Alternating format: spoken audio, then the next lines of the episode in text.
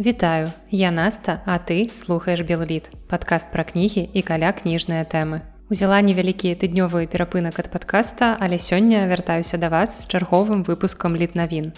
У эфіры 96 выпуск падкаста Белліт, які робіць нас яшчэ бліжэй да сотага вяртаецца будапешцкая студыя на кухні але цяпер лета акно адчынена таму часам Мачыма вы будете чуць гук самалётаў якія тут узлетаюць ці сядаюць амаль бясконца вельмі нізка і таму гэта вельмі гучна. Таксама раптам вырашылі актывізавацца ўсе суседзі ва ўнутраным дворыку.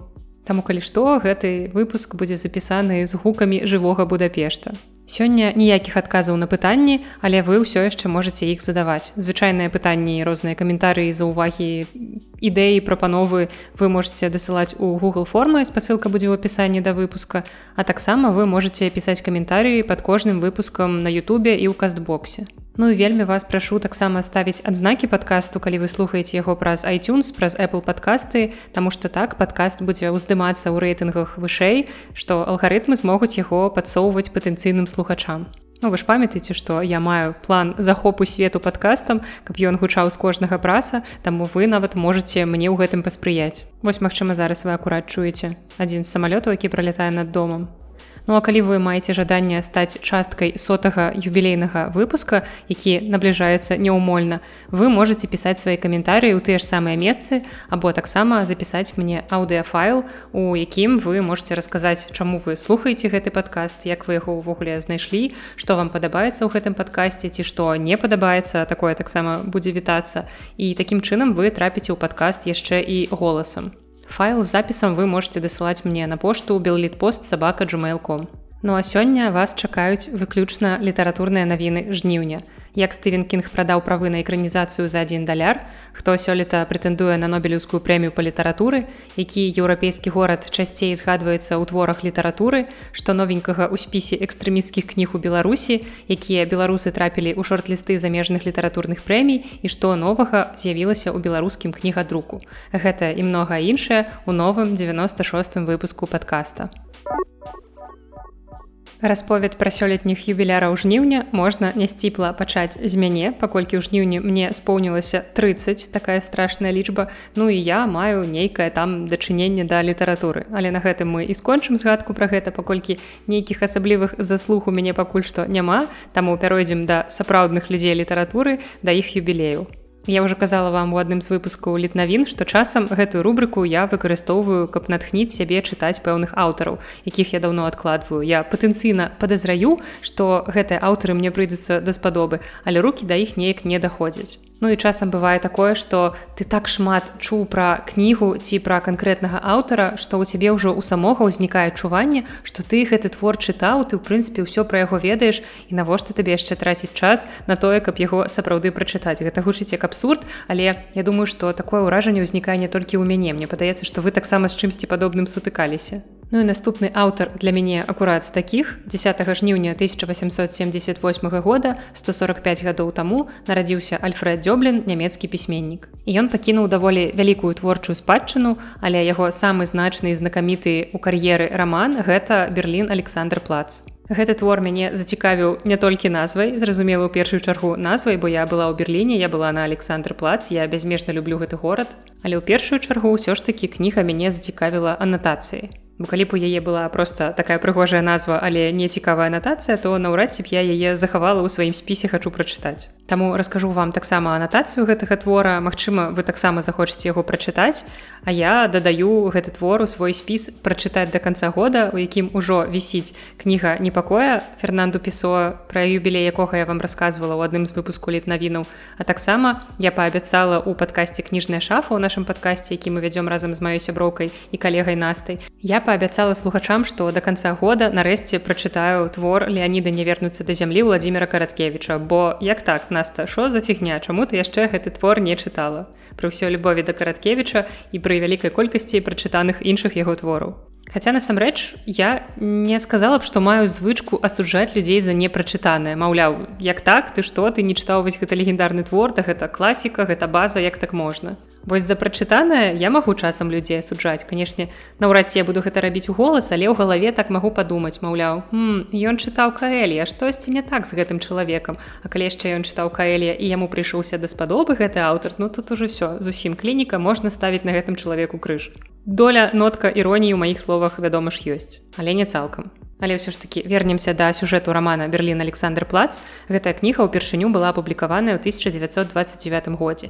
І ў гэтым творы галоўны герой грузчык, якога завуць Франц Біберкопф, не блытаць за часціным біберам. Вось такія літаратурныя жарты, які вы заслужылі. Дык вось гэты грузчык, ён выходзіць з турмы праз чатыры гады пасля таго, як забіў сваю палюбоўніцу. Ён спадзяецца стаць сумленным і прыстойным чалавекам, але яго старанні марныя. Праз некаторы час ён сыходзіць у запой і трапляе на сацыяльнае дно. Ён праходзіць праз свет прастытутак, сутэнёраў, злодзеяў, забойцаў, палітычных агітатараў і натоўпаў беспрацоўных. І ў выніку ён звязваецца з бандай свайго прыяцеля Райнхольда, які выкідвае біберкопфа на хаду з машыны падчас паліцейскай пагоні. Сюжэтам мне падаецца гэты твор нагадвае нейкага пясецкага ці баявік з канала НТВ. Але, як пішуць даследчыкі, самы сок тут у аўтарскім стылі абяцаюць што гэта будзе нешта наватарскае нешта эксперыментальнае і аўтара параўноўваюць з джойсам і кафкам так што трэба чытаць. Мне цікава як сюжэт пясецкага спалучаецца са стылем джойса і капкі Ну калі раптам вы гэты твор прачытаеце раней за мяне ці магчыма вы ўжо яго чыталі то вы можете падзяліцца ўражаннямі ў каментарыях. Магчыма вы зможаце мяне падштурхнуць прачытаць гэты твор хутчэй Таксама 10 жніўня, але на 20 гадоў пазней у 1898 годзе нарадзіўся Тадэвуш Даленга Мастовіч, польскі пісьменнік беларускага паходжання. Нарадзіўся ён у вёсцы Акунёва на віцебшчыне і цяпер гэта тэрыторыя глыбоцкага раёну. А пазней ужо сям'я перабралася ў глыбокая і глыбоцкі дом Мастовічаў быў на вуліцы кракаўскай. Цяпер на тым месцы знаходзіцца дом нумар два па вуліцы савецкай. І дарэчы, у глыбокім я яшчэ ніколі не была, але вельмі даўно хачу, бо як бы вы разумееце, найлепшая ў свеце згушчонка і гэтак далей. Хоць мне згушчонку ў прынцыпе нельга, але калі вельмі вельмі рэдка, то можна трошачкі кайфануць. Хаця ў астатні час я па-здрадніцку ўжываю какосавую згушчонку, зробленую ў Таіландзе. Добра хоць не ў рагачове. Але вяртаемся да далэнкі Мастовіча. Ён пісаў па-польску зразумела і адным з найвядомейшых твораў пісьменніка стаў раман знахар, які выйшаў у 1937 годзе.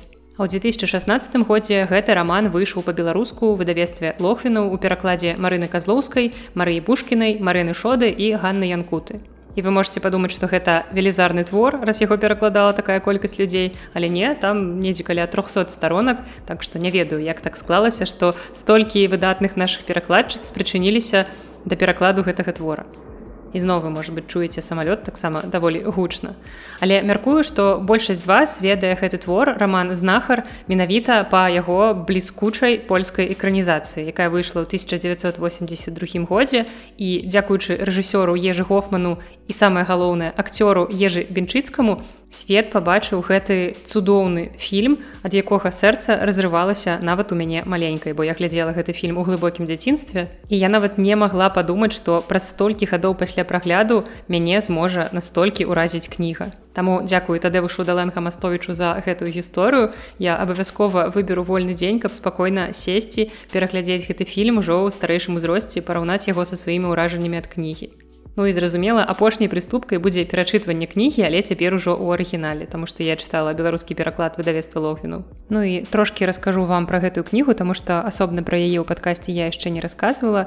І гэта вельмі важная кніга про тое что часам у жыцці чалавеку патрэбна толькі адно ведаць что ты камусьці патрэбны. Вось такая таўталогія і гэта дае як мне падаецца сілы на новыя здзяйсненні і адчуванне таго что ты жывы бо хтосьці іншы жывы мае ў табе патрэбу і гэтая кніга гэта гісторыя чалавека з залатымі руками і залатым сэрцам які згубіўшы памяць згубіўшы імя не згубіў сябе. Перад намі жыццё знакамітага і таленавітага хірурга па імені рафал вільчур які пасля збіцця губляе памяць. Яго збілі і абрабавалі злодзеі і такім чынам жыццё яго заносіць у невялікае мястэчка дзе ён дапамагае сям'і млынара па гаспадарцы і раптоўна высвятляе што ў яго ёсць такі талент лячыць людзей. І такім чынам ён становіцца вядомым знахарам. І так працягвае жыць абсалютна не памятаючы што было ў яго на мінулым жыцці і гэта вельмі кранальны твор ён добра перакладзены вельмі цудоўная мова аўтара што выдатна перадалі перакладчыкі зразумела. Кожны герой выклікаў нейкія эмоцыі просто ніхто не застаўся па-за увагай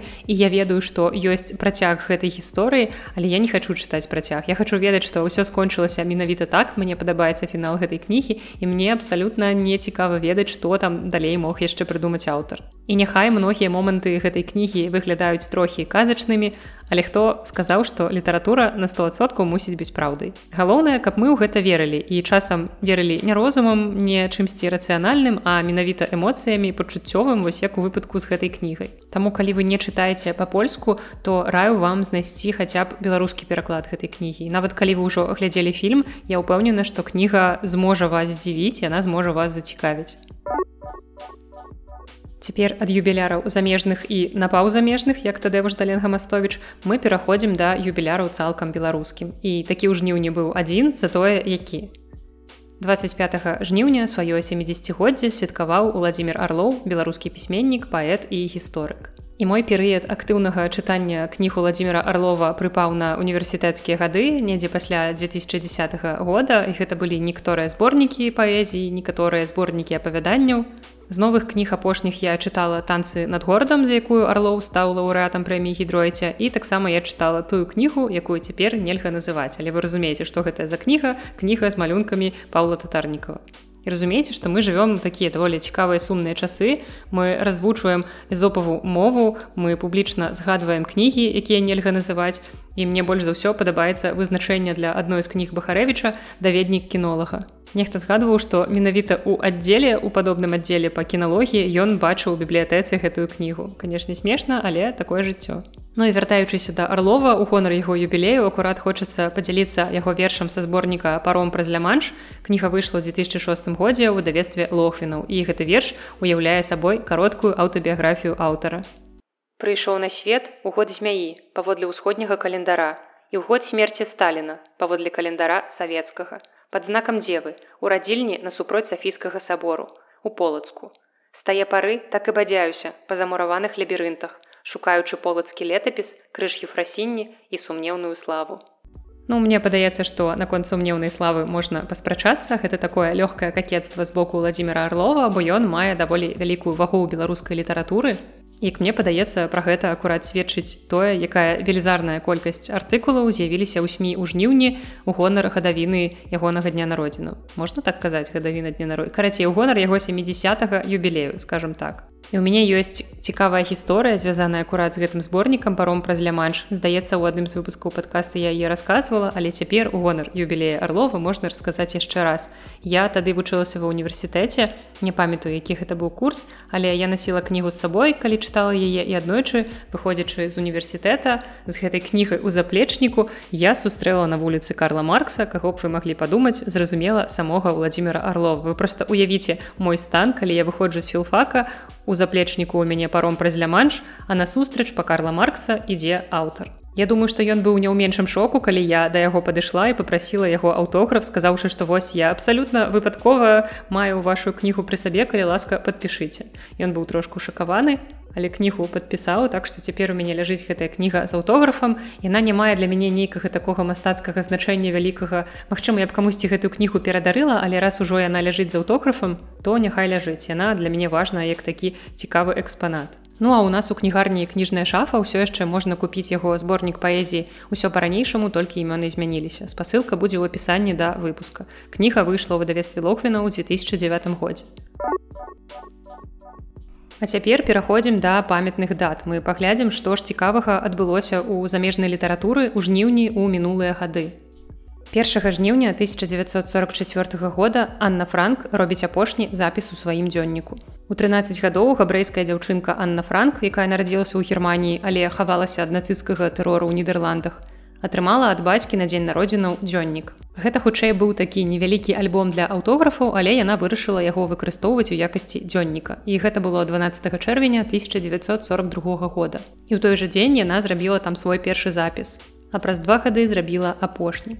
Запісы ў дзённіку вяліся па нідерландску, хаця роднай мовай для дзяўчынкі была нямецкая, але яна пачала яшчэ з ранняга дзяцінства вучыць нідерландскую, таму вяла дзённік на гэтай мове. Праз тры дні пасля апошняга запісу ў дзённіку Анны гестапа арыштавала ўсіх, хто хаваўся ў сховішчы і Анна трапіла ў канцлагер і там яна і памерла ў канцлагеры берген бельзен ад сыпнога тыфу. А яе дзённік стаў гістарычным помнікам эпохі. Ён дагэтуль вельмі актыўна перавыдаецца на розных мовах, нават выходзіла версія ў коміксах і сама Анна назвала свой дзённік можна перакласці нешта накшталт у заднім доме. Я чытала гэту кнігу ў рускім перакладзе пад назвай убежище дневнік в пісьмах. 2 жніўня 1865 года у брытанскім выдавецтве Макмілан выйшла першае выданне кнігі Льюіса Кэрла прыгоды Алісы ў краіне цудаў. Аднойчы на прагулцы на лодцы дзесяцігадовая Аліса Лідл попрасіла свайго настаўніка матэматыкі Чарльза Доджстона напісаць цудоўную гісторыю для яе і для яе сёстраў Эд і ларыны. Доджсон, якое складанае прозвішча сапраўдную Льюіса Карэла. Карацей, яму раней даводзілася расказваць дзецям дэкана ліды лакаскі і таму ён ахвотна пагадзіўся на гэта. І на гэты раз ён расказаў сёстрам пра прыгоды маленькай дзяўчынкі ў падземнай краіне, куды яна трапіла, праваліўшыся ў нару белага труса. Галоўная гераіня вельмі нагадвала саму Алісу Лідл, а некаторыя другарадныя персанажы якраз нагадвалі яе сёстраў Ларыну і Эдыт. І гісторыя настолькі спадабалася Алісе, што яна попрасіла настаўніка яе запісаць. І дочсан абяцаў, але ўсё роўна яму прыйшлося некалькі разоў нагадаць і нарэшце ён выканаў просьбу Алісы і падарыў ёй рукапіс, які на той час называўся прыгоды Алісы пад зямлёй не вельмі романтычная назва шчыра кажучы. І пазней аўтар вырашыў перапісаць кнігу і ў весну 1863 года ён адправіў яе на рэцэнзію свайму сябру джорджу макдональду. Ну і пасля ўжо новую версію кнігі доджсон падарыў алісе на каляды 1863 года Ну а 2 жніўня 1865 года яго кніга апублікаваная пад псеўданімам Льюіс Кэрл выйшла ў брытанскім выдавецтве Макмілан. Першае выданне гэтай кнігі праілюстраваў мастак Джон Тэніел і гэтыя ілюстрацыі сёння лічацца класічнымі. Ну і канешне, не магу не адзначыць, што гэты твор таксама перакладзены і на беларускую мову. Выдавецтва Эвертайп, што спецыялізуецца на выданні іншамоўных перакладаў Льюіса Кэрала і ўвогуле твораў кэраліяны, Яно надрукавала кнігу па-беларуску ў 2013 годзе ў перакладзе Макса Шчура. Кніга атрымала назву алесены прыгоды ў цудадзем'і і лаўрэат прэміі гідройце, як вы бачыце, крыху абеларусіў імя гераіні з Алісай яна стала алесей. І дарэчы, я паглядзела, што папяровы асобнік кнігі ўсё яшчэ можна купіць на Амазоне, хаця кніга выйшла 10 гадоў таму. Я пакінуў спасылку ў апісанні да выпуска, Магчыма, хтосьці з вас зацікавіцца. 17 жніўня 1903 года амерыканскі выдавец і журналіст Джозеф Пуліцер заснаваў пуліцарускую прэмію. І так менавіта на у ставіцца націску ягоным прозвішчы пуліцар. І цікава, што я записываю гэты выпуск нечакана з яго радзімы. Таму што ён нарадзіўся ў венгерскім горадзе Мака на паўднёвым усходзе каля мяжы з румыніяй у яўрэйскай сям'і. Праўда, да мяне каля 180 кіламетраў Будапешт размешчаны ўсё ж такі на поўначы краіны, але гэта ўвогуле цікавы факт, пра які я раней не ведала, што поліцар паводле паходжання венгар. Магчыма, трошкі больш раскажу вам пра яго ў тэматычным венгерскім выпуску падкаста, які выйдзе ўжо зусім хутка. Але сёння мы гаворым пра 120гадовы юбілей заснавання поліцарускай прэміі. Імя пуліцара носіць найвышэйшая журналісцкая прэмія ў ЗША і чаму ж дата яе заснавання лічыцца 17 жніўня 1903 года. Бо менавіта тады ў гэты дзень пуліцар склаў тэстамент, у якім ахвяраваў 2 мільёны даляраў калумбійскаму універсітэту. І тры чвэрці з гэтых грошай прызначаліся на стварэнне вышэйшай школы журналістыкі, а астатняя сума на прэміі для амерыканскіх журналістаў. Ён завяшчаў прызначыць чатыры прэміі за журналістыку, чатыры за дасягненне ў галіне літаратуры і драмы, чатыры прэміі за розныя дасягненні ў гуманітарнай вобласці і адну прэмію за ўнёсак у адукацыю. Праз год пасля смерці пуліцера была заснаваная тая самая калумбійская школа журналістыкі, а прэмію пачалі ўручаць пачынаючы з 1917 года. І ўсяго прысуджаецца 25 прэмій, дакладней 25 намінацый, штогод у гэтай прэміі ёсць. І лаўрэаты прэміі атрымліваюць па 10 тысяч даляраў, але з 2017 года ўжо трошкі больш па 15 тысяч. І зразумела, што мяне найбольш цікавяць у пуліцарускай прэміі літаратурныя намінацыі. Напрыклад, пуліцер Price for Fiction гэта прэмія за мастацкі твор. Яна ўручаецца за найлепшы твор мастацкай прозы, які належыць пісьменніку амерыканцу, выдадзены ў выглядзе кнігі і пераважна прысвечаны праблемам амерыканскага жыцця. І спачатку намінацыя называлася пуліцараўская прэмія за раман Пуліцер Прайс Novel і под такім іменем яна ўручалася з 1918 по 1947 год а потым ужо атрымала цяперашні выгляд поліцер прайс for fiction Дарэчы, вы можете расказаць мне ў каментарыях, ці сочыце вы ўвогуле за якімі-небудзь літаратурнымі прэміямі, замежнымі, беларускімі за поліцарускай прэміі, бо я найбольш актыўна зразумела, калі браць не толькі беларускім за беларускім я ў прынцыпе за ўсімі сачу. Але калі браць замежнае, то найбольш актыўна зразумела я сачу за нобелеўскай і за букераўскай, прычым як звычайнай, так і міжнароднай. Вось у прыватнасці цяпер я акурат чытаю апошняга лаўрэата міжнароднай букераўскай прэміі балгарскага пісьменніка Георгія гаспадзінова чытаю яго раман роман time shelter.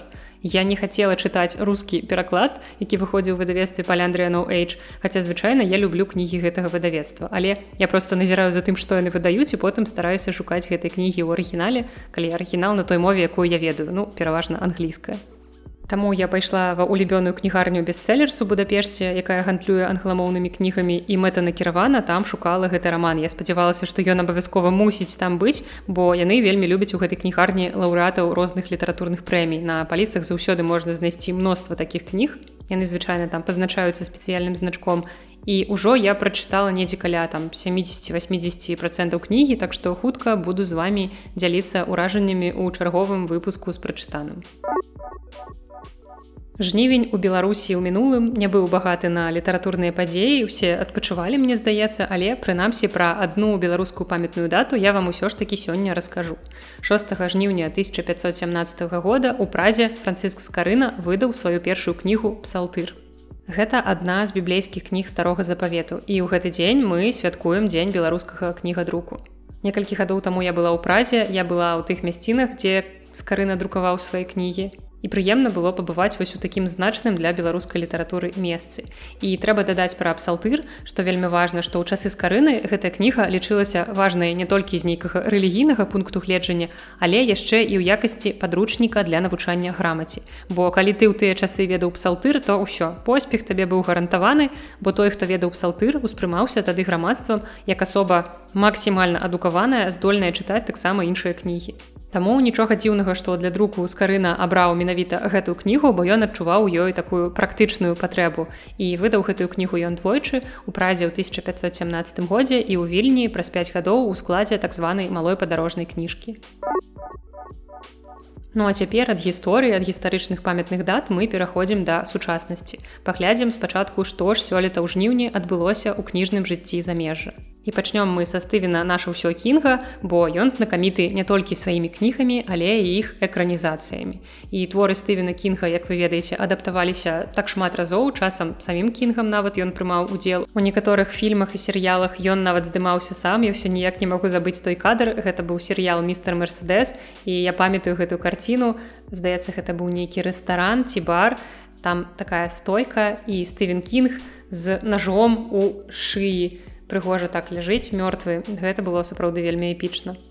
Ну як толькі Стывен Кінг пачаў публікавацца то Галівуд стаў адразу грукацца ў ягоныя дзверы экранізацыі твораў кінга штампуюцца проста адна за адной. Праўда сярод нейкіх геніяльных шэдэўраў накшталт зялёнай мілі ці ўцёкаў з шаўшэнку ёсць там даволі вялікая колькасць рознага шлаку. І на працягу многіх гадоў стывен кінг не хаваючы расказвае нам як ён ставіцца на да кожнай экранізацыі свайго твора. І яскравым прыкладам з'яўляецца яго шырока разрэкламаванае вельмі грэблівае стаўленне да фільма стэнлі кубрыка ззяння як не парадаксальна бо гледачам наадварот гэты фільм прыйшоўся вельмі даспадобы гэта гэта адна з найвыбітнейшых экранізацый стывена кінга і нават у адрыве ад яго творах это просто выдатны фільм канешне там ёсць свае асаблівасці Мачыма вы ведаеце што стэнлі кубрык ну даволі спецыфічны рэжысёр які даводзіў акцёраў просто да шаленства на здымачнай пляцоўцы прынамсі тут галоўнай гераіне якая грала ролю вэндзі торренс жонкі галоўнага персонажа джека торренса. Яна крышку звар'яцела пасля гэтага твора тому што стэнлі кубрык просто вырабляў неверагодныя штукі з ёй на здымачнай пляцоўцы. Мачыма калі-небудзь пасля таго як я даперакладаю гэты твор я буду вам записываць пра яго асобны выпуск і раскажу тым ліку пра экранізацыю бо там просто процьма цікавай інфармацыі. Але фільм зяння ён выклікаў вельмі неадназначную крытыку з боку стывена кінга что для мяне дзіўна тому что я уласна гэты фільм люблю. Джек Ніколсон моя велізарная кіналюбоў. Ну і таму вельмі цікава гучыць наступная навіна, што студэнтка з Узбекістана набыла правы на адаптацыю апавядання Стывена Кінга для свайго фільма жахаў. Гульнара Іванова, студэнтка ўсерасійскага дзяржаўнага універсітэта кінематаграфіі, які вядомы па-руску пад абрэвіатуры івгік, набыла правы на адаптацыю апавядання Стывена Кінга чалавек, які не паціскаў рук гэта апавяданне 1981 года. І яна атрымала правы на праект усяго за один даляр. І паводле гэтага твора стварыла караткаметражны фільм жахаў под назвай дотык і фільм атрымаў прыз за найлепшы трылер на міжнародным кінафестывалі ніціін у малайзіі а таксама быў адзначаны дыпломам студэнцкага фестывалю world impact film фестивал І гэтая караткаметражка была знятая ў рамках праграмы доллар бэбі і дзякуючы ёй стывен кінг дае магчымасць рэжысёрам пачаткоўцам з усяго свету выкарыстоўваць яго творы. Чалавек там падае заявку ён напісвае сваю ідэю і бачанне таго якім мусіць быць сцэнарый для фільма а потым калі арганізатарам гэта спадабаецца то яны звязваюцца з удзельнікам. Вось такім чынам гульнара іванова попала ў гэтую праграму і змагла экранізаваць самога стывена кінга усяго за один даляр Так што калі вы маеце нейкае дачыненне да кінематографу, калі вы рэжысёр пачатковец, калі вы спрабуеце здымаць штосьці сваё, то ведаеце, што ёсць такая магчымасць зняць самога стывена кінга. Магчыма, калі яму вельмі спадабаецца ваша ідэя, нават сам зможа зняцца ў вашым творы, але гэта не дакладна. Ну а цяпер крыху каля кніжных навін наўпрост не звязаных літаратурнымі творамі. У Великабрытаніі выпусцілі юбілейныя манеты, прысвечаныя 50годдзю з дня смерці Джона Толкіна. На іх выява манаграмы пісьменніка акружаная кольцам мудрагелістых рунічных узораў. А па краі за галоўнымі літарамі напісаныя словы. Не ўсе, хто вандруюць, збіліся са шляху. Гэта цытата з верша ў братстве пярсцёнка ў першай частцы трылогіі валадар пярсцёнку. Нагадаю, што твор у беларускім перакладзе ўжо зусім хутка можна будзе нарэшце афіцыйна прачытаць у выдавестве Янушкевіч. Яно плануе выдаць усе тры часткі гэтай трылогіі. І калісьці ў нас выходзіў пірацкі пераклад, але там, канешне, былі свае асаблівасці. Я ўсё ж такі вам раю чытаць афіцыйныя творы, якія былі выдадзены легальна як хутка вось гэта зробіцца ў выдавестве янушкевич ну а гэтыя манеты якія выдалі ў великкабрытаніі наміналам два фунты стерлінгаў даступныя ў некалькіх варыянтаў. Яны ёсць сярэбраныя а таксама зробленыя з дапамогай чаканкі п'етфорд што б гэта не значыла я не ведаю што гэта. Але самыя рэдкія залатыя манеты каштуюць 1250 фунтаў. Подазраю што гэта даволі шмат і сёння выпуск поўны навін літаратурных прэмій і пераходзім да навіну букерускай прэміі бо у яе быў абвешчаны лонг-ліст букеруская прэмія была заснаваная ў 1968 годзе і з 2014 года на яе можа прэтэндаваць любы англамоўны пісьменнік чые кнігі апублікаваныя ў злучаным каралеўстве Раней гэту ўзнагароду маглі атрымаць толькі аўтары з Вкабрытаніі, Ірландыі і краін брытанскай садружнасці. Ну а сёлета са 163 кніг, вылучаных на прэстыжную ўзнагароду, у доўгі спіс увайшлі толькі 13 твораў, сярод якіх ёсць чатыры дэбютныя кнігі. Толькі ўявіце, як гэта круто, вось вы толькі-толькі напісалі кнігу і ўсё, вы ўжо ў лонг-лісце букерускай прэміі. І ўсяго ў спісе пісьменнікі з сямі краін на чатырох кантынентах і больш за ўсё, як не дзіўна ірландцаў, іх чацвёра і ўпершыню гэта траціна лонг-ліста. Ну а шорт-ліст стане вядомы 21 верасня. І таксама вядома, што лаўрэат прэміі атрымае 50 тысяч фунтаў. І яшчэ адна літаратурная прэмія ўрываецца ў сённяшні выпуск, бадай самая знакамітая і самая важная. Ужо зусім хутка 5 кастрычніка мы нарэшце даведаемся, хто ж стане сёлетнім лаўратам нобелеўскай прэміі па літаратуры. Але зразумела, што букмекеры пачынаюць дзяліцца сваімі рэйтынгамі загадзя ўжо цяпер і ведаеце, апошнія гады назіраць акурат за спісамі букмекераў нашмат цікавей, чым потым нарэшце даведацца сапраўдныя вынікі прэміі. Напрыклад, спіс прэтэндэнтаў на галоўную сусветную ўзнагароду ў галіне літаратуры ўжо з'явіў з'явіўся на сайце найсроц і згодна з гэтым чартам шматгадовы фаварыты букмекерскага рэйтынгу харукі муракамі так і застаўся ў ім лідарам. Стане на 22 жніўня ягоныя шансы на перамогу ацэньваюцца ў прапорцыі 9 да 1 Ну і у першай двадцацы гэтага спісу на 16 месцы можна знайсці петара надаша венгерскага пісьменніка якога я яшчэ не чытала але планую. Ну а з больш вядомых вам імёнаў напрыклад на шостым месцы амерыканец які ўжо атрымаў статус культавага гэта Томас піншан адразу за ім канадка маргарет этвуд і закрывае дзясятку салман руждзі. Ўсё гэта знакамітыя сусветныя даволі вядомыя аўтары. У другой дзясятцы у букмекераў ёсць нават украінскі пісьменнік гэта Андрей куркоў якога я яшчэ не чытала але я вельмі шмат водгукаў чула на ягоныя творы ад украінскіх кніжных блогераў. Я ведаю што ён актыўна выдаецца за мяжой таму паглядзім цікава. Конечно наўрад ці ён атрымае нобелеўскую прэмію але сачыць будзе цікава і таксама ў двадцатцы з вядомых аўтараў такія людзі як дон дэліла людміла уліцкая якая цяпер жыве ў эміграцыі ў германії пасля таго як яна выступала супраць уварвання рассію ва ўкраіну. І уліцкая у прынцыпе там даволі высока ў першай пяцёрцы. І дарэчы недзе там далёка ўнізе ў спісе букмекераў ёсць і стывен кінг і трошки вышэй за яго ёсць джан роулінг. І ведаеце маё меркаванне такое што вось гэтым аўтарам сапраўды было б варта цудоўна уручыць нобелеўскую прэмію. Бо у наш час калі проста ўсе межы паміж паміж высокімі нізкімі жанрамі размытыя Мне падаецца, што варта ацэньваць аўтараў паводле іх рэальнага ўнёску ў літаратуру. Я думаю, што кнігі кінга і кнігі Джан Роулінг прывялі ў літаратуру нашмат больш новых чытачоў, чым творы піншана або дэліла.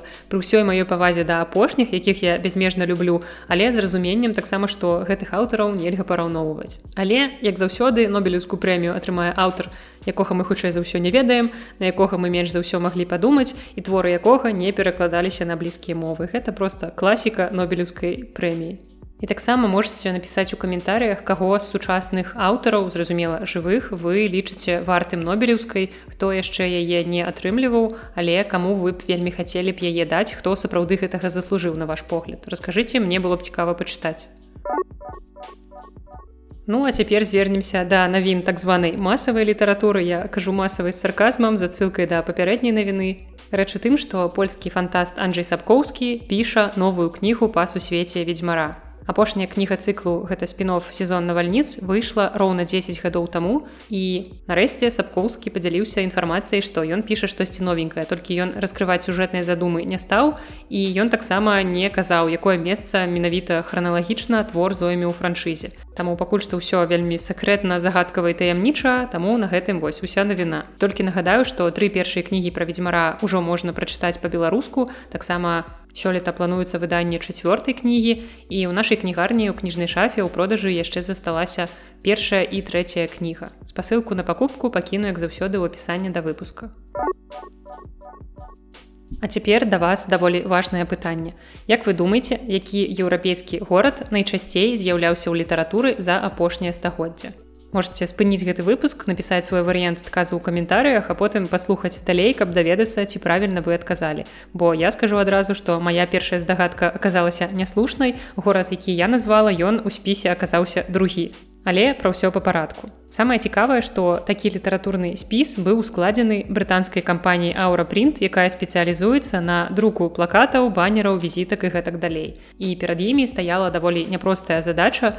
Трэба было прааналізаваць базу Google Books, якая налічвае больш за 25 мільёнаў кніг, каб высветліць, якія еўрапейскія гарады найбольш часта сустракаюцца ў літаратуры. Я раскажу вам пра першыя 5 гарадоў у спісе і параю па адной кнізе пра кожны, калі чытала нейкі цікавы твор, падзей якога адбываліся ў гэтым горадзе. І гэты выпуск для мяне будзе трэніроўкай скланення лічэбнікаў, далей вы зразумееце, чаму гэта не мой моцны бок. Ну і цікава, што вы напішаце, як вы думаеце, які горад у гэтым спісе першым, але правільны адказ гэта Лондон. Па колькасці згадак Лондона ў кнігах ён апярэдзіў наступны горад у спісе амаль у тры разы. У публікацыях 286 мільёнаў 675 тысяч 501 згадка пра сталіцу Англіі. І спіс таксама змяшчае інфармацыю пра тое, калі пра той ці іншы горад часцей за ўсё пісалі, у якія гады. І ў выпадку з Лондонам гэта былі 60 гады мінулага стагоддзя. Ну а створу, які я магу вам параіць, зразумела, гэта гісторыі пра Шэрлака Холмса, таму што большасць падзей адбываецца акурат у Лондоне, таму вось такая вам моя парада. Тым больш што гэтыя творы пра брытанскага дэтэктыва можна знайсці ў беларускім перакладзе.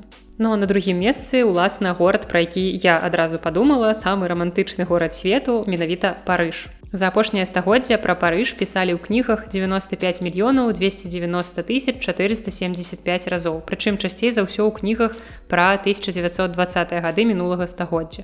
І тут я хачу вам параіць кнігу Джорджа Оруэлла, якая выдатна аб'ядноўвае першае і другое месца. Гэта раман Down and Out in Paris and London або ў рускім перакладзе фунты ліха в Паріжы і Лондоне. Ну а трэцяе месца заняў вечны горад. Але Рым не адзіны італьянскі горад у першай дзясятцы Францыі здаецца там таксама была яшчэ і флорэнцыя але пра рым як і пра парыж часцей за ўсё пісалі ў 1920 гады і тут я параю вам дэтэктыў аднаго з маіх улюбёных італьянскіх майстроў гэтага жанру даната карызі у яго ёсць такі цыкл пра маркуса і сандру і рым нават вынесены ў загаловак першай кнігі гэтага цыклу пацереныя дзевушкі ріма Ну і нарэшце на чацвёртым месцы горад, у якім я прынамсі была з тых, што пералічаны былі раней, гэта Берлін, які атрымаў найбольшую колькасць згадак падчас і адразу пасля вайны ў сорокавыя гады. Ну гэта не дзіўна. І ўсяго пра цяперашнюю сталіцу Геррманіі напісалі 37 мільёнаў 79 тысяч 709 разоў, што на 11 мільёнаў менш, чым пра рым, але на 5,6 мільёна больш,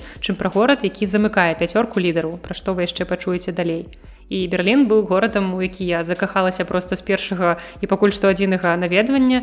І тут акурат можна згадаць кнігу юбіляра альфреда дзёбліна Берлін Александр плац. Але я ўсё ж таки параю вам кнігу якую прынамсі чытала. Гэта кніга чэшскага пісьменніка Ярослава рудзіша якая называется неба пад Берлінам кніга выйшла ў 2008 годзе ў выдавестве лохвіна ў перакладзе Марыі Мартысевич і я толькі што заўважыла што гэтае выдавецтва ў сённяшнім выпуску я згадваю пакуль што часцей за ўсё з усіх беларускіх выдавецтваў. Просто такая цікавая заўвага. А кнігу неба под берлінам я чытала сёлета некалькі месяцаў таму таму яшчэ абавязкова раскажу вам пра яе ў выпуску з прачытаным ну а пяцёрку лідараў замыкае Масква якая найбольш часта згадвалася ў кнігах у 80-е гады.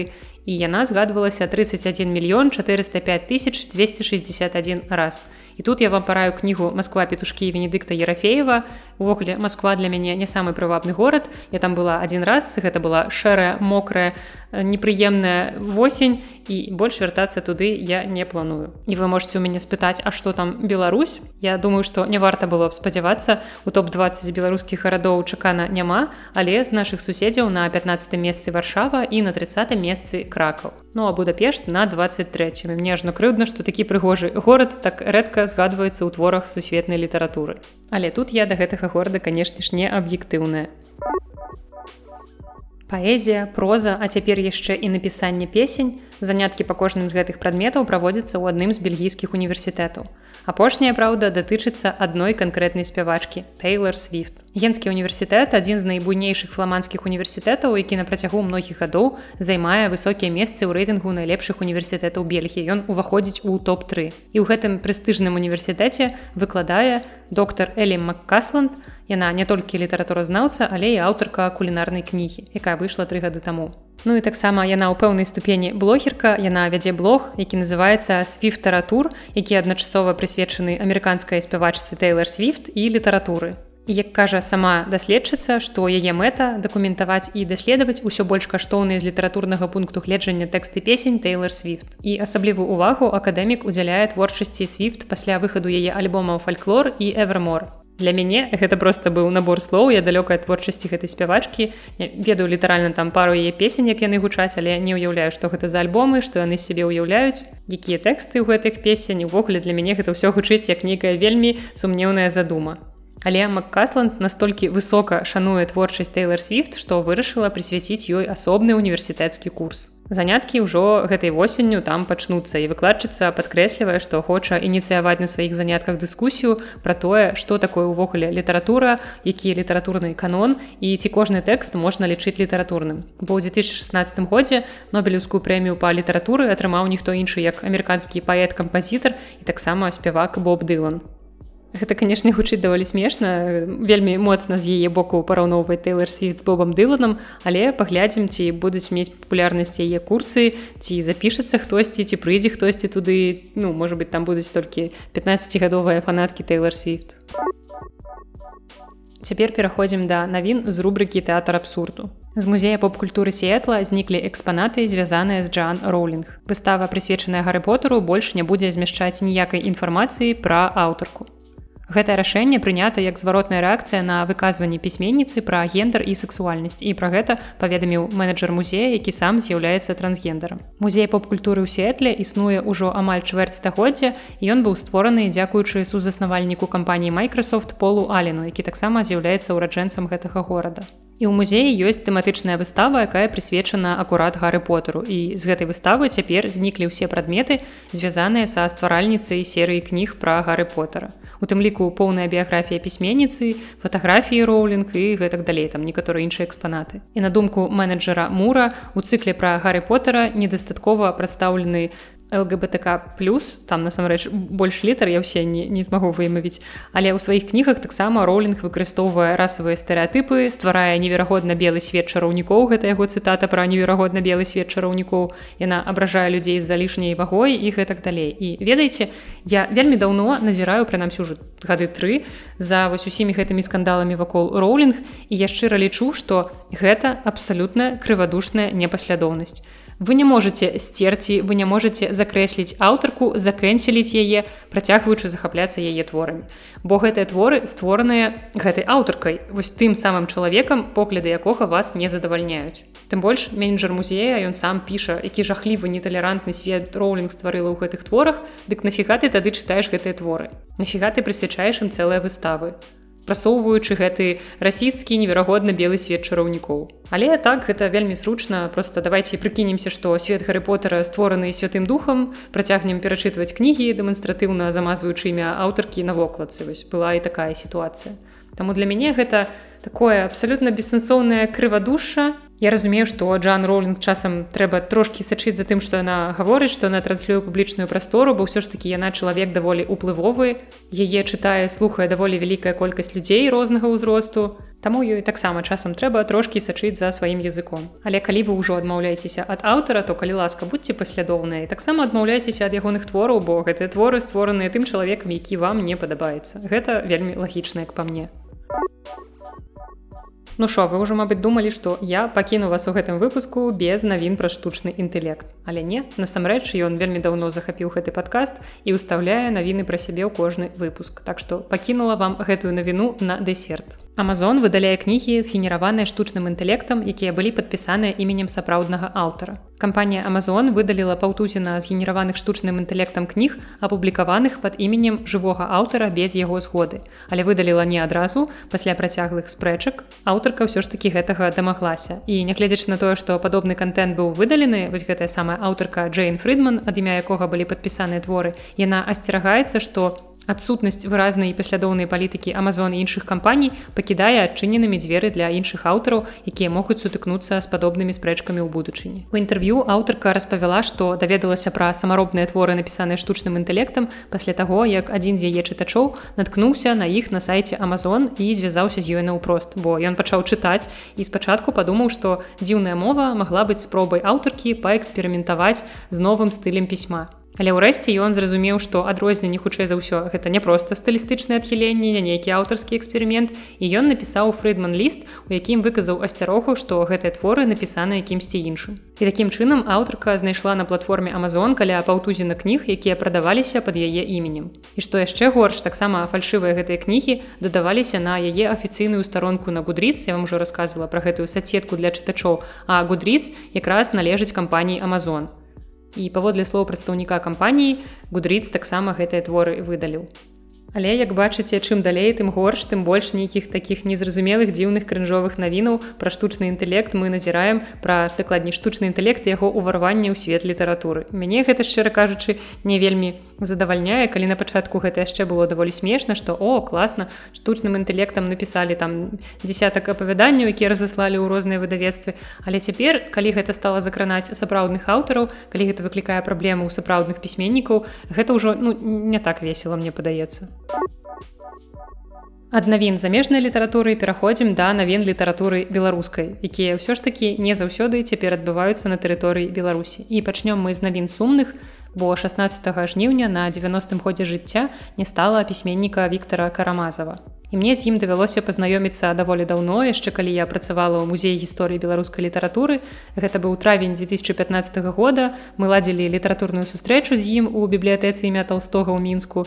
І калі вы зойдзеце ў артыкул на вкіпедыі прысвечаны Віктору карамазаву то вы ўбачыце там фото якое акурат рабіла я на гэтым мерапрыемстве. Я сама яго туды дадала ў картку аўтара. Ну на той час я ўжо была даволі глыбока ў беларускім літаратурным свеце але пераважна я сутыкалася сучаснымі больш маладымі аўтарамі аўтарамі канешне ж я там бачыла ў тыя часы і барадуліна і бураўкіна калены яшчэ былі жывыя. Але тут нарэшце я убачыла чалавека зноў творы якога яшчэ нядаўна я праходзіла ў школе. Вось у мяне такое было ўражанне калі я ўпершыню убачыла барадуліна бураўкіна і потым зноў калі ўбачыла карамазава. Гэта вельмі дзіўнае адчуванне што вось літаральна нядаўна там класе ў восьмым мы чыталі яго дзельбу кабанчыка А цяпер я дапамагаю ладзіць мерапрыемства прысвечанае гэтаму аўтару. Але потым я зразумела, што абсалютна нічога не памятаю з гэтага твора і мне здаецца, што тут добрая нагода гэты твор перачытаць. Чарховыя беларускія кнігі ўнесены ў спіс экстрэмісцкіх і насамрэч я не ведаю, як расказваць такія навіны, бо я, мабыць, не магу згадваць іх назвы. Але па працы ўвогуле ў кнігарні мы рэгулярна правяраем, чым на гэты раз папоўніўся спіс экстрэміцкіх матэрыялаў, каб калі што аператыўна прыбіраць іх з паліц. Таму калі што вы можете просто просто загугліць і ўбачыць, якія ж творы туды трапілі. Але таксама ведаеце, што я больш за ўсё люблю пасля таго, як нейкая чарговая гучная забарона адбылася, да нас у кнігарню прыходзяць людзі і запытваюць, ці ёсць у нас гэтыя кнігі. Ну можа быць, хоць дзе-небудзь нейкія схаваныя асобнічкі заваляліся, схаваліся, можа быць, мы можам прадаць пад палы і вось што ў людзей у галаве я не разумею. Шчыра кажучы гэтае пытанне для мяне мабыць так і застанецца без адказу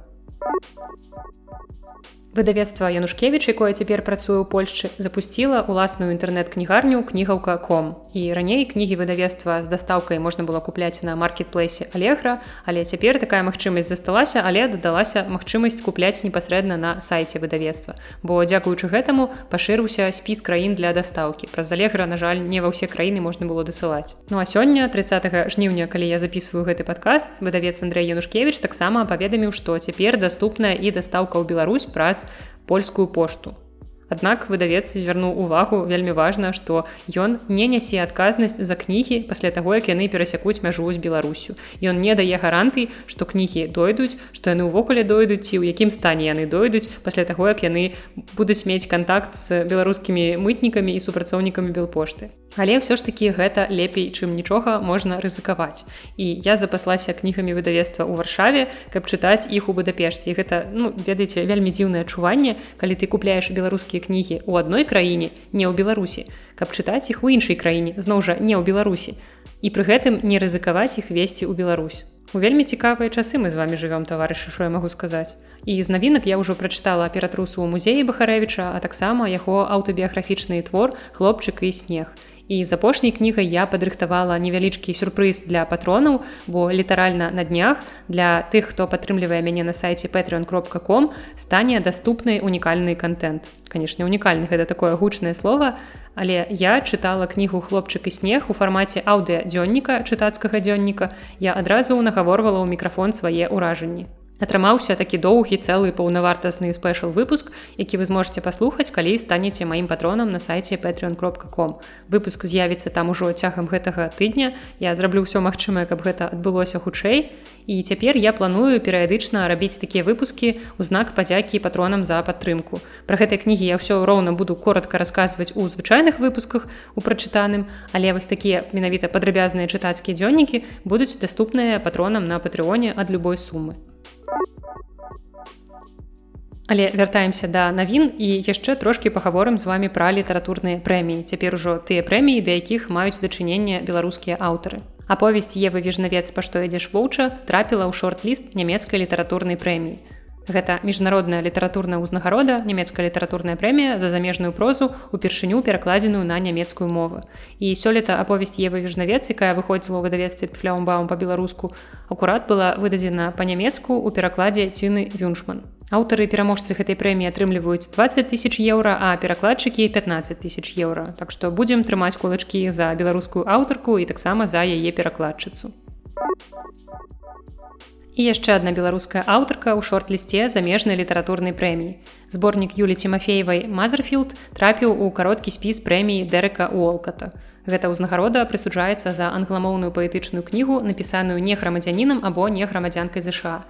З беларускай мовы вершы Юлі Тимофеевай перакладалі вядомая нам беларуска-амерыканская паэтка Вальжына Морт і амерыканскі паэт эсаіст і культурны крытык Ханіф Абдуракіп. Гэты зборнік выйшаў у ЗША. Бібліятэка кангрэса ЗША паведаміла, што пераглядзела класіфікацыю украінскага раздзела, вылучыла ў асобны ад ССР рассіі раздзел і больш адэкватна і поўна распісала перыядызацыю гісторыі, культуры і гэтак далей. На чарзе ў іх Беларусь. Яе таксама вылучаюць у асобны ад ССР рассіі раздзел. І цяпер яны шукаюць спецыялістаў для супрацы ў гэтай справе. Вось пра ўсё гэта паведаміў Ігар Іваноў, бібліятэкар, супрацоўнік скарынаўскай бібліятэкі ў Лондоне, стваральнік выдавецтва скарына пресс. Бо рэч у тым, што раней кнігі Украіны і Беларусі канцэнтраваліся ў аддзеле Расія ССР. Ну а цяпер яны паступова ад гэтага адыходзіць і гэта безумоўна цудоўная навіна. І што такое ўвогуле бібліятэка кангрэса? Гэта нацыянальная бібліятэка ЗША адна з найбуйнейшых бібліятэк свету якая была заснаваная ў 1800 годзе і знаходзіцца ў вашынгтоне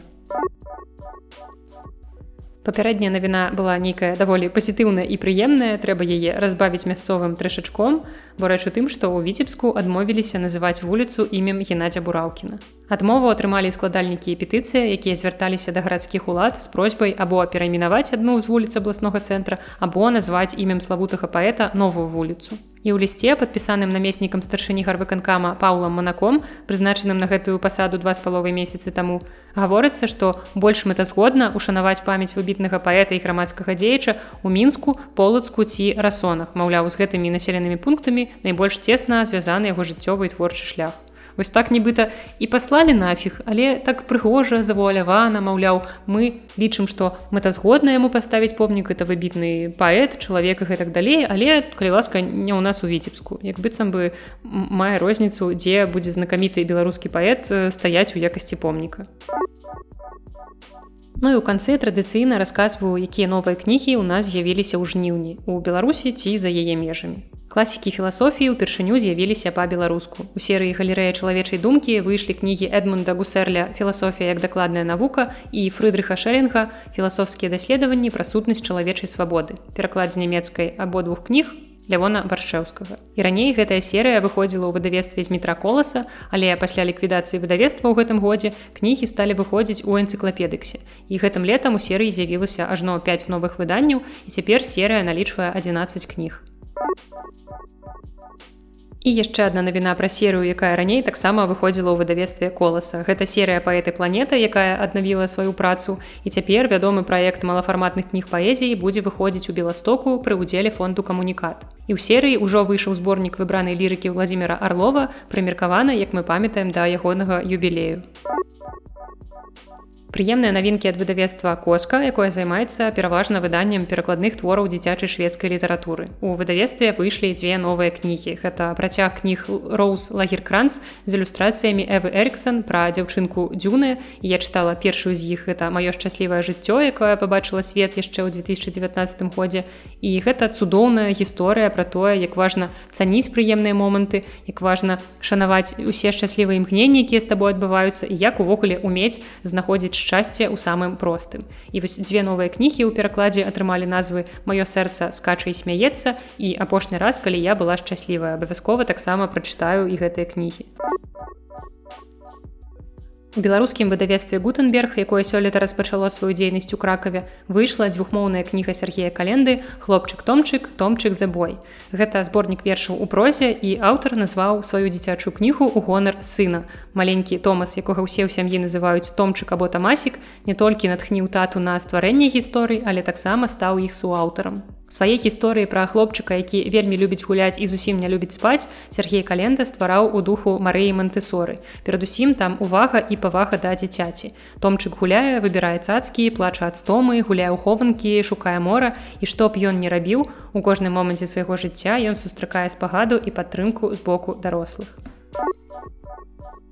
У перакладзе Марыі Пушкінай выйшаў зборнік чорнае неба ісландскага паэта Адальстейна Сігюрцана. Гэтая кніга распачала паэтычную серыю вершы на асфальце, у якой стваральнікі мяркуюць раскрываць чытачам далёкія блізкія краіны праз прызму паэзіі. У 2014 годзе ісландскі паэт Адальстайн Сігурсон быў у госцем міжнароднага паэтычнага фестывалю імені Мехася Стральцова вершы на асфальце, гонар якога я атрымала назву гэтая паэтычная серыя. І вось вынікам такога візіту ісландца ў Беларусь зрабілася гэтая кніга.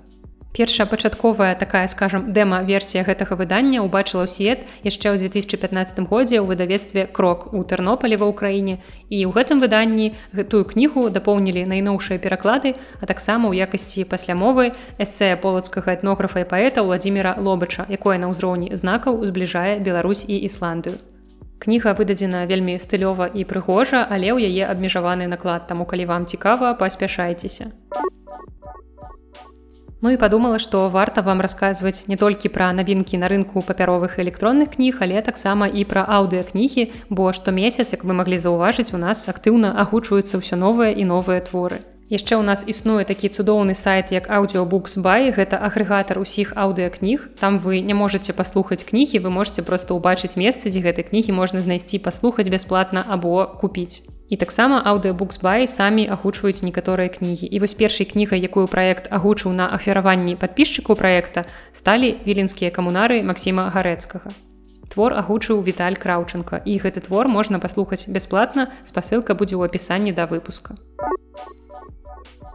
Як бачыце даволі актыўны атрымаўся жнівень даволі шмат навін і ў беларусі і ў свеце. Выходзіла пэўная колькасць кніжак нават у нас і не будзем сумаваць што лета заканчваецца засталіся вось апошнія летнія дні. Калі вы атрымаеце гэты падкаст ужо будзе восень Таму што як заўсёды я выпускаю гэты падкаст для патронаў на некалькі дзён раней, а ўсе астатнія слухаюць гэты выпуск у суботу. Таксама ўсёй самай карыснай інфармацыі падзялілася з вами ў пачатку, што вы можете задаваць свае пытанні, куды вы можете іх дасылаць, таксама можете падтрымліваць гэты падкаст спосабам, які вам зручны, усе спосабы вы знойдзеце ў апісанні да гэтага выпуска.